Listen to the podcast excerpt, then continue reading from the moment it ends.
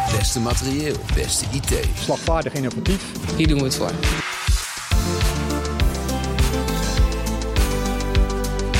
Streef naar het beste. Dat het veilig is en dat dat uh, betrouwbaar is. Militairen moeten onder alle omstandigheden kunnen vertrouwen op het materieel en IT waar ze mee werken. Het commando materieel en IT zorgt daarvoor. Met een mix van militairen en burgers voorziet dit commando in wat nodig is. Van gevechtslaars tot geavanceerde wapensystemen. Het levert daarmee een bijdrage aan de slagkracht van de krijgsmacht. Mijn naam is Ronald Vossenstein, recruitment adviseur en je luistert naar de vacature podcast van het commando materieel en IT. In deze podcastserie praten je bij over de vetste banen binnen ons commando. Kijk, super mooie intro, al zeg ik het zelf. En in deze podcast neem ik jullie mee voor de functie van informatiemanager. En daar zijn weer twee, uh, twee mensen voor aangeschoven. Uh, dat is uh, Erik Peters, ja, ik ga je toch benoemen als IT-manager. En Jessica van Harten, dat zeg ik goed, senior informatiemanager. En misschien is het wel leuk, voordat we echt daadwerkelijk gaan beginnen, om echt de verdieping in te gaan, om jezelf even voor te stellen. Wie ben je en wat doe je? En laat ik dan bij jou beginnen. Erik? Zo, dat is een hele moeilijke vraag. Nee, ik ben dus IT-manager binnen JVC. En dan ben je verantwoordelijk voor een uh, groep mensen die zijn belast met uh, bijvoorbeeld personeelsystemen of medische systemen. En daar probeer je dan sturing aan te geven, zowel inhoudelijk als op HR-gebied. Oké, okay, dankjewel. Jessica. Yes, ik ben informatiemanager. Um, en uh, op een verjaardag vertel ik eigenlijk vaak dat als er iets gewijzigd moet worden in onze systemen, uh, dat ik dan kijk hoe we het het beste in onze systemen kunnen implementeren. Ja. Um, en dan uh, wordt die wijziging op basis daarvan doorgevoerd. Kijk, en hoe lang werkte Jessica al bij Defensie? Drie jaar. Drie jaar? Ja. Ah, kijk, daar gaan we zo even wat meer vragen over stellen. Maar laten we even beginnen. Informatiemanager. Um, en nou staat er ook op mijn lijstje POM IT. En wij werken natuurlijk met heel veel afkortingen. En de luisteraars zullen denken, POM IT. Uh, Erik, licht er even toe. Want we hebben, ik ga even uh, van boven naar beneden. Hè, we noemen ons het zelf het COMIT sinds, sinds kort. Het Commando Materiaal en IT. Daar on, onderdeel daarvan is JVC, Joint Informatievoorzieningscommando. En een onderdeel daarvan is POM IT. Maar nu zullen heel veel mensen denken, weer een afkorting. Dus POM IT, licht graag even toe. JVC is dus het IT-bedrijf van Defensie. En die hebben meerdere afdelingen. Een van de afdelingen is POM IT. Dat staat voor personeel, organisatie en medische IT. Dus daar worden alle systemen zijn daar in beheer in relatie tot die aandachtsgebieden. Binnen die afdeling POM IT hebben we drie afdelingen. Zoals we dat in de volksmond noemen, Run, Change en Beta. Run is de club met mensen die de systemen beheren en ontwikkelen. Change is de groep mensen die belast zijn met de wat grotere projecten, zeker grotere wijzigingen in de systemen van personeel, organisatie en medisch. En Beta is zeg maar de voordeur van onze afdeling naar de bedrijfsvoering, de klanten, zoals wij die noemen. Dat is de luchtmacht, de landmacht, marechaussee en de marine. Ja. En die zitten dus tussen de klanten en de beheerders en de ontwikkelaars. Oké. Okay. En Jessica, jij gaf aan, ik werk net drie jaar bij, uh, bij Defensie. Hoe was dat voor jou om als buitenstaande, zeg maar niet Defensie-medewerker in deze organisatie te komen? En met name dan bij POM IT. Hoe was dat? Um, in het begin best heftig. De Defensie is super groot. Ik heb hiervoor bij een hele kleine organisatie gewerkt. Oké. Okay. Dus ik moest in het begin heel erg wennen aan hoe groot Defensie is en wat er eigenlijk allemaal gebeurt. Mijn weg zien te vinden. Uh, maar op een gegeven moment, als je eenmaal gewend bent, dan uh, gaat eigenlijk alles vanzelf. Collega's zijn super behulpzaam. Uh, je mag overal met je vragen terecht. Dus uiteindelijk heb ik daar mijn weg wel in gevonden. Kijk. en Erik, je zegt hey, run, change en beta. Dat zijn dat termen die ook zeg maar civiel worden gebruikt in de IT-wereld? Run en change wel. beta denk ik een stukje minder. Uh, ook wel. Uh, BITA staat voor Business IT Alignment. En dat is op zich wel een bekend begrip. Um, ik heb Information Studies gestudeerd. En daar leer je eigenlijk gewoon Business IT Alignment. Dus het is een bekend begrip. Ja, ik vraag het even omdat wij binnen Defensie uh, gebruiken we zoveel afkortingen. En ik heb het al vaak in andere podcasts ook al gezegd. En dat zijn ongeveer 344 kantjes met afkortingen die we gebruiken. Dus het is handig om soms even een toelichting te geven. Um, Erik, POM IT, personeel, organisatie en medisch. Zijn dat dan de systemen eh, waar jullie dan verantwoordelijk zijn, verantwoordelijk voor zijn binnen, binnen jullie afdeling? Ja, eigenlijk alle systemen eh, die binnen Defensie gebruikt worden. Eh, personeelsystemen hebben we dus op dit moment bijvoorbeeld PeopleSoft. Mhm. Eh, we hebben voor medische systemen hebben we onlangs een heel groot programma gedraaid eh, voor, en geïmplementeerd Chipsoft. En zo zijn er ook nog diverse systemen, uh, uh, salarissysteem, uh, reiskostensysteem en dat soort zaken die ook bij ons in beheer zijn. En het mooie op dit moment is dat we aan de vooravond staan van een hele grote implementatie van het personeel, personeelsysteem en salarissysteem. Okay. Dus we zijn nu met allerlei onderzoeken bezig welke commerciële pakketten daar zouden, dat zouden kunnen gaan vervangen. Oké, okay. en, en dat is echt een hele grote verandering binnen de defensieorganisatie? Want ik begrijp, onze huidige systemen die zijn al meer dan 25 jaar oud? Of? Ja, ongeveer wel. En die zijn echt toe aan vervanging? Ja. Okay, ja, binnen het PNO-domein hebben we best wel veel systemen. Dus denk echt aan 50 systemen wat vervangen moeten worden. Uh, ons personeelsysteem is de grootste, maar we hebben ook gewoon wat kleinere systemen. Denk bijvoorbeeld aan een rooster management tool, mm -hmm. uh, waarin uh, mensen die in ploegendiensten ingeroosterd kunnen worden. En eigenlijk al die systemen die vallen onder dit grote programma. En die moeten allemaal vervangen worden straks de komende jaren. We gaan een flinke verandering. En hoe ziet, hoe ziet het team eruit? Wat voor mensen werken er bij jullie op? Zijn dat mensen die al heel lang bij Defensie werken misschien? Of zijn dat jongere mensen? Omdat je de vooravond staat van een verandering. Dat vraagt ook een stukje vernieuwing. Hoe, hoe ziet dat team eruit? Ja, ik denk dat POM IT over het algemeen bij JVC werken soms best wel wat oudere mensen. Ja. Maar POM IT is echt wel heel erg aan het verjongen. en het team waar ik in zit, Plan Bita, um, daar is de gemiddelde leeftijd ergens rond de 30. Dus wij hebben veel jonge mensen in dienst. Op en, heeft het een speciale reden dat dat jonge mensen zijn? Of is het omdat die technologie van nu zo vernieuwend is dat als je misschien al wat jaren werkt met oudere systemen, die technologie zo vernieuwend is dat je ja, onderaan dat niet meer kunt bijbenen? Niet de nadelen van de mensen die er zitten, maar ik kan me begrijpen dat die technologie gaat zo snel. Ja, het hangt ook af van je positie. We hebben een junior, media, senior positie. Dus als je echt starter bent op de arbeidsmarkt, um, dan kun je gewoon meteen als junior bij ons aan de slag. Ja, en, en uh, Erik, IT-manager. Uh, nou zit ik meteen even te kijken. Je, je, ik ben werkzaam. Wat merk ik nou uh, als medewerker van Defensie aan de, van de systemen waar jij mee werkt? Wat, wat merk ik daarvan? Hoe bedoel je, merk ik wat van? Ja, Want maar... eigenlijk iedere medewerker uh, die uh, reiskosten declareert, ja? die maakt gebruik van een personeelsysteem. Iedere uh, militair die zit in het medische systeem. Iedere burger zit in het Arbo-systeem. Dus eigenlijk alle medewerkers van Defensie hebben een relatie met onze afdeling als gebruiker zijnde. Oké, okay. en, en, is het dan, uh, als iemand deze podcast hoort, dan denk ik, ik wil informatiemanager worden, ik wil bij jullie afdeling werken. Uh, is dat dan uh, ja, jong team? Moet ik dan een, een, een, een IT'er zijn of moet ik iemand zijn? Wat, wat voor iemand loopt er bij jullie op de afdeling? Het is sowieso handig als je enigszins natuurlijk kennis en ervaring hebt met IT. Mm -hmm. uh, je moet wel kunnen praten, zowel met de functioneel beheerders als met de ontwikkelaars. Maar je moet ook kunnen praten met de klant. Dus het zijn niet echt de technische mensen die wij zoeken als uh, informatiemanager. Maar je moet wel de behoeften goed kunnen vertalen. En zodanig dat de ontwikkelaar uh, en de beheerder daarmee aan het werk kunnen. Ja. Dus je zit echt tussen, uh, daartussenin. Als een soort spin in het web. Okay. Ja, ik denk dat je het wel echt leuk moet vinden om met veel verschillende mensen in contact te staan. Dus je hebt uh, contact met heel veel IT'ers, daar moet je mee om kunnen gaan. Uh, maar ook met de klanten. Dus die mensen die weten echt helemaal niks van IT af, daar moet je mee om kunnen gaan. Je moet goed een probleem in kaart kunnen gaan brengen, kijken naar de oplossing. En het ook echt leuk vinden om met andere mensen af te stemmen en proactief vragen te durven stellen. Ja, nu, en nu oh, zeggen, ja, ik wil nog aanvullen. Kijk, uh, we hebben meerdere waardestromen. Uh, kijk, we hebben natuurlijk voor financiële systemen. Mm -hmm. Dus als iemand wat meer affiniteit heeft met financiën, dan zou dat kunnen, handig kunnen zijn. We hebben medische systemen. Dus als iemand wat meer achtergrond heeft van de medici. Want je hebt ook gesprekken kan je hebben met, met doktoren of met ja. verpleegkundigen. Maar je kan ook met fysiotherapeuten of met tandartsen.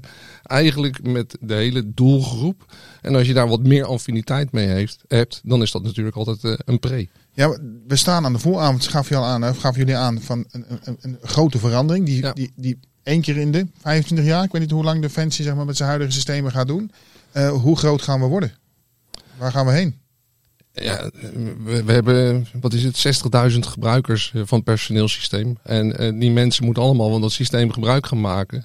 En eh, het is voor, zoals ik het dan altijd zeg, voor de jonge mensen die graag een, een vernieuwingstraject willen meemaken, is dit een, een, een uitgesproken kans, om maar zo te zeggen. Want bij Defensie wordt het één keer zeg maar gemiddeld in de 25 jaar iets vervangen. En als je Ja. dat vanaf het begin tot het einde zou mee kunnen maken, dan, ja, dan ben je spekkoper. Dan heb je dus dusdanige ervaring dat je overal inzetbaar bent. Dus als je nu dit hoort en je denkt, hé, hey, er is een kans, dan zou je eigenlijk nu moeten instappen. Dat Ja. zou een mooie kans kunnen zijn. Ja, zeker. Nou, laten we samen eens even gaan kijken naar de invulling van het, het, het daadwerkelijk. Wat doet nu een senior informatiemanager of een informatiemanager? Nou, het volgende rubriekje. Wat doet nou echt daadwerkelijk een informatiemanager? Want we hebben het een klein beetje gehad over de afdelingen, het team. Waar gaan we heen? Er staat een verandering aan te komen. Eh, wat voor type? Maar ja, eh, ik ben een leek. Dat zeg ik eerlijk. Eh, wat doe jij 's ochtends als je opstaat, Jessica? Behalve thuis, dan werkgerelateerd. Ja, ik wou net zeggen, thuis lees ik vaak eerst het nieuws om wakker te worden. Oké. Nee, wat doe ik? Ehm, ik zit veel in vergaderingen, eh, ben veel aan het afstemmen met mensen. Eh, maar eigenlijk moet je het zo zien dat als er wijzigingen komen vanuit, eh, dat kan zijn omdat je iets wilt wijzigen aan het systeem, omdat een proces anders verloopt. Eh, maar wij hebben ook veel te maken met de arbeidsvoorwaarden. Dus denk de bonden die besluiten dan dat ze iets anders willen doen of een nieuwe regeling willen hebben. Dan komt dat uiteindelijk bij mij terecht. Ehm, en ik ga dan kijken van hoe kunnen we dit in ons systemen implementeren. En dat moet ik natuurlijk met veel verschillende mensen afstemmen. Dus dat kan met mensen van beleid zijn, dat kunnen met mensen van de bedrijfsvoering zijn en met de mensen van onze eigen systemen. En dan ga ik kijken wat is nou de beste oplossing. Moeten we dingen in het systeem implementeren of moeten soms misschien ook wel dingen handmatig gebeuren? Ehm, en daar ben ik eigenlijk hele dagen mee bezig. Eh, en misschien ook nog zelfs vooraf invloed uitoefenen richting de bonden. Van dit kan wel of dit kan niet. Eh, Ja. En als jullie dit willen, weet dan dat we dat niet morgen kunnen implementeren. Maar dat dat nog een half jaar duurt. Dus je krijgt op alle levels, alle niveaus. eh, tot en met een directeur, tot en met een ontwikkelaar. En alles wat daartussen zit, daar ben je mee in gesprek. Ja, en, en ik kan me voorstellen, hè, ik, nou ben ik, ben je informatiemanager. Ehm dan, komt er heel, dan komen er heel veel aanvragen komen binnen. Klopt. Maar ja, eh, iedereen vindt zich natuurlijk heel erg belangrijk. Wie gaat dat prioriteren? Wie gaat nou zeggen, ja, maar deze verandering die is echt noodzakelijk. Ik snap natuurlijk dat de arbeidsvoorwaarden, dat die echt, ja, dat zijn gewoon vaste deadlines, denk ik. Ja.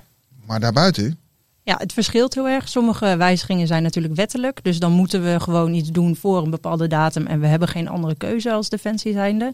Eh, en dat zijn arbeidsvoorwaarden. Maar denk ook aan eh, ouderschapsverlof, wijziging, dat soort dingen. Ehm, en sommige dingen, eh, dan is het eigenlijk gewoon onderling uitvechten wat het belangrijkste is. En uiteindelijk moet vanaf bovenaf besloten worden wat de meeste prioriteit heeft. ja, Dus dat besluit ik niet zelf. oké. En daar zijn ook hele discussies over. Hè? Want bij sommige dingen krijgen we bijvoorbeeld, als je voor een bepaalde datum iets implementeert, een subsidie. Dus dan zijn dat weer financiële drijfveren om iets te kunnen regelen. En aan de andere kant heb je wettelijke dingen zoals we onlangs hebben gehad met de medische systemen. Je bent verplicht dat iedere burger in Nederland zijn medische eh, gegevens moet kunnen inzien. Nou ja, dan eh, normaal doen we alles binnen Defensie. Maar dus het is een van de eerste projecten waar we dus ook data buiten Defensie hebben. Want militairen worden ook wel eens in een ziekenhuis of bij een dokter in het land eh, geholpen. En dan moeten die gegevens allemaal beschikbaar zijn. Ja. Eh, ik zit me meteen af te wijzen. Je komt natuurlijk hè, als senior informatiemanager heel veel vragen, heel veel behoeftes. En we werken natuurlijk wel een beetje in een, in, een machine, een machinebureaucratie. Alles volgens rangen en standen. Eh, hoe ga je om met de, de, de generaal of de directeur, Jessica, die zegt: Ik vind dit het meest belangrijke. Maar daar zit een deurtje verderop nog een directeur die zegt: Ja, maar dit is ook heel belangrijk. Hoe ga je daarmee om? Ja, in dat geval laat ik het ze samen uitvechten. Oké, Dus daar bemoei ik me niet mee. Nee, daar, moet, daar moet je natuurlijk wel een beetje tussen zien te bewegen. Ehm, ik moet zeggen, als burger zijn kun je soms wel iets makkelijker omgaan met rangen en schalen. Eh, en is dat eigenlijk allemaal best wel soepel. En is het niet zo van ik ben een rang hoger dan dat jij bent. Dus jij moet altijd maar per se doen wat ik zeg. Eh, daar kun je echt wel over in discussie gaan. Ehm, en verder, soms moet je gewoon ook, eh, als sommige mensen er niet uitkomen, dat ergens hogerop eh, neerleggen en vragen of zij dat eh, willen beslissen. Ja. Ja, ik wil daar wel een kleine aanvulling op geven. Dat gebruiken we ook heel vaak als voorbeelden. Een directeur of een generaal of een kolonel, hoog in de boom, zoals wij dat dan noemen, die komt bij jou als informatiemanager. En dan nemen we altijd een heel eenvoudig voorbeeld. En die, die kolonel of die generaal die zegt, ik wil een printer hebben. En dan is het dus de kunst van de informatiemanager om te achterhalen waarom die die printer nodig heeft. Niet te zeggen van, oké meneer, u, u wil die printer hebben, Ja. morgen heeft u de printer. Nee, je moet dus als informatiemanager het achterhalen, wat is nu het probleem wat hij wil oplossen. En als je daarachter kan komen, dan doe je je werk als informatiemanager goed. En het kan soms zo zijn dat hij eigenlijk helemaal geen printer nodig Klopt. heeft. Maar dat een heel ander probleem er Klopt. naar boven komt. Klopt. Oké, nou laten we toch- eh, toch even inzoomen op de functie van informatiemanager. Eh, jij bent een senior informatiemanager, zo heb ik je geïntroduceerd. Dat impliceert, of impliceert ook dat je een junior en een senior hebt. Klopt. Eh, wat zijn de verschillen tussen junior, een medior en een senior? Ja, eh, eigenlijk eh, ervaring. Ehm, eh, junior kun je meer zien als iemand die echt net van de eh, schoolbanken komt. Eh, starter is op de eh, eh, arbeidsmarkt. En eh, ehm, misschien gewoon nog niet zoveel werkervaring heeft. Je krijgt dan ook gewoon meer begeleiding. We helpen je meer met dingen. Je hoeft misschien nog niet alles zelfstandig te doen. Op een gegeven moment als medior wordt van je verwacht dat je veel meer dingen zelfstandig kan doen. En als senior ook dat je gewoon proactiever bent, meer meedenkt met bepaalde dingen. Ehm, en ook gewoon iemand legt iets bij jou neer en dat het dan ook echt opgepakt wordt. Ja, hè, we zitten aan die verandering. Hè. Dat is, als je nu wil instappen en je denkt, hey, ik, zit, ik, vind dat ik vind het hartstikke leuk beroep. Of de functie die, die trekt me heel erg aan. En je bent nog junior. Aan wat voor, wat voor persoon is dat? Is dat iemand met een mbo-opleiding misschien? Of iemand moet je verplicht hbo afgerond zijn? Of een mbo affiniteit hebben met IT? Of waar, waar moeten we aan denken? Ja, voor junior en medior is het zo dat je minstens HBO eh, moet hebben. En voor een senior moet je WO geschoold zijn.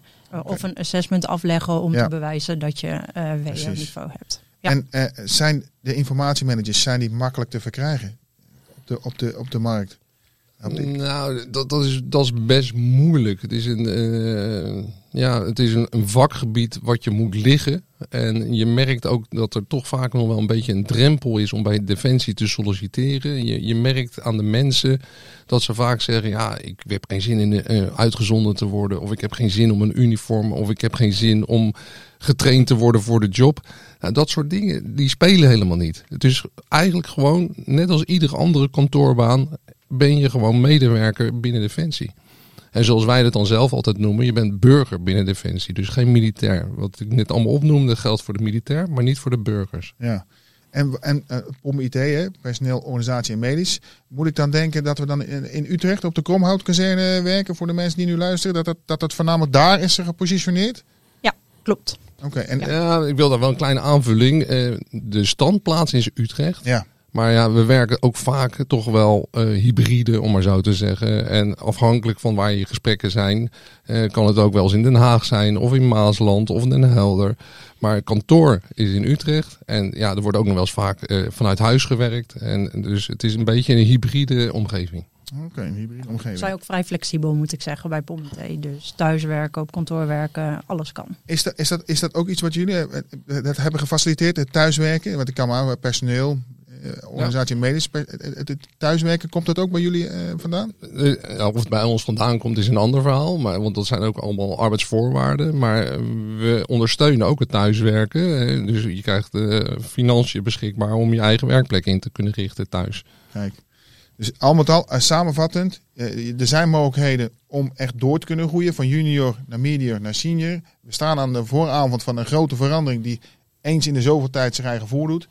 Ja, dan is het eh, vooral nu het moment om in te stappen. Zeker. Ehm, ik heb nog wel een speciale vraag voor jullie. Eh, dat doen we altijd eh, in de podcast. Dan hebben eh, andere deelnemers van de vorige podcast, eh, die hebben een vraag en die, ja, die gaan ze aan jullie voorleggen. Namens Reinier en Bas eh, willen wij jullie inderdaad een vraag stellen. Wij weten eigenlijk niet zo goed ehm, ehm, ja, hoe jullie vakgebied eruit ziet. Dus wij zijn eigenlijk benieuwd wat wij merken bij de directieprojecten van jullie werk en jullie product.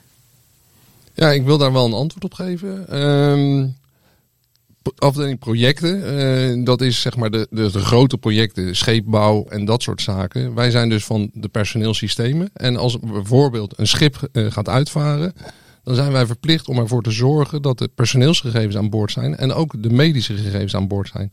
Het kan dus ook zo zijn, als die niet tijdig aan boord zijn, dat een schip gewoon niet weg kan. Dus je hebt een heleboel echt ook verantwoordelijkheden om ervoor bij te dragen dat mensen op missie kunnen gaan of op uitzending of hoe je het ook wil noemen.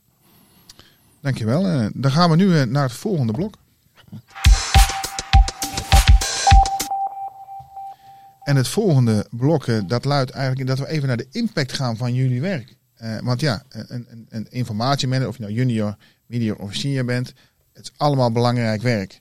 Eh, maar wat nou als er geen informatiemanagers meer zouden zijn? Wat gebeurt er dan? Dan eh, hebben we een hele grote ontevreden militaire organisatie. Want die militaire organisatie krijgt dan mogelijk niet meer salaris. En als ze salaris krijgen, dan is er een hele grote kans dat ze een foutief salaris krijgen. Eh, mensen kunnen niet meer hun eh, reisdeclaraties indienen. Dus ze krijgen ook hun financiën niet gestort. De, onkosten die ze gemaakt hebben. Eh, de artsen kunnen niet meer bij de medische gegevens op een gegeven moment. En dan kunnen ze dus ook de patiënten niet meer helpen. De, mensen, de schepen kunnen niet meer uitvaren, hadden we net als een voorbeeld. eh, omdat de personeelsystemen en de medische eh, systemen niet eh, aan boord zijn. Dus eh, als onze afdeling niet meer zou bestaan, dan denk ik dat eh, Defensie heel snel gaat ophouden goed te kunnen functioneren. Zeker als je aan het salaris komt, eh, denk ik, van de, van de medewerker. Of het verlof. Of het verlof, ja, ja. Is, dat, is dat wel eens, hè, ik, ik kan het nu meteen maar vragen, is het wel eens voorgekomen dat het systeem verlof of salaris is gecrashed?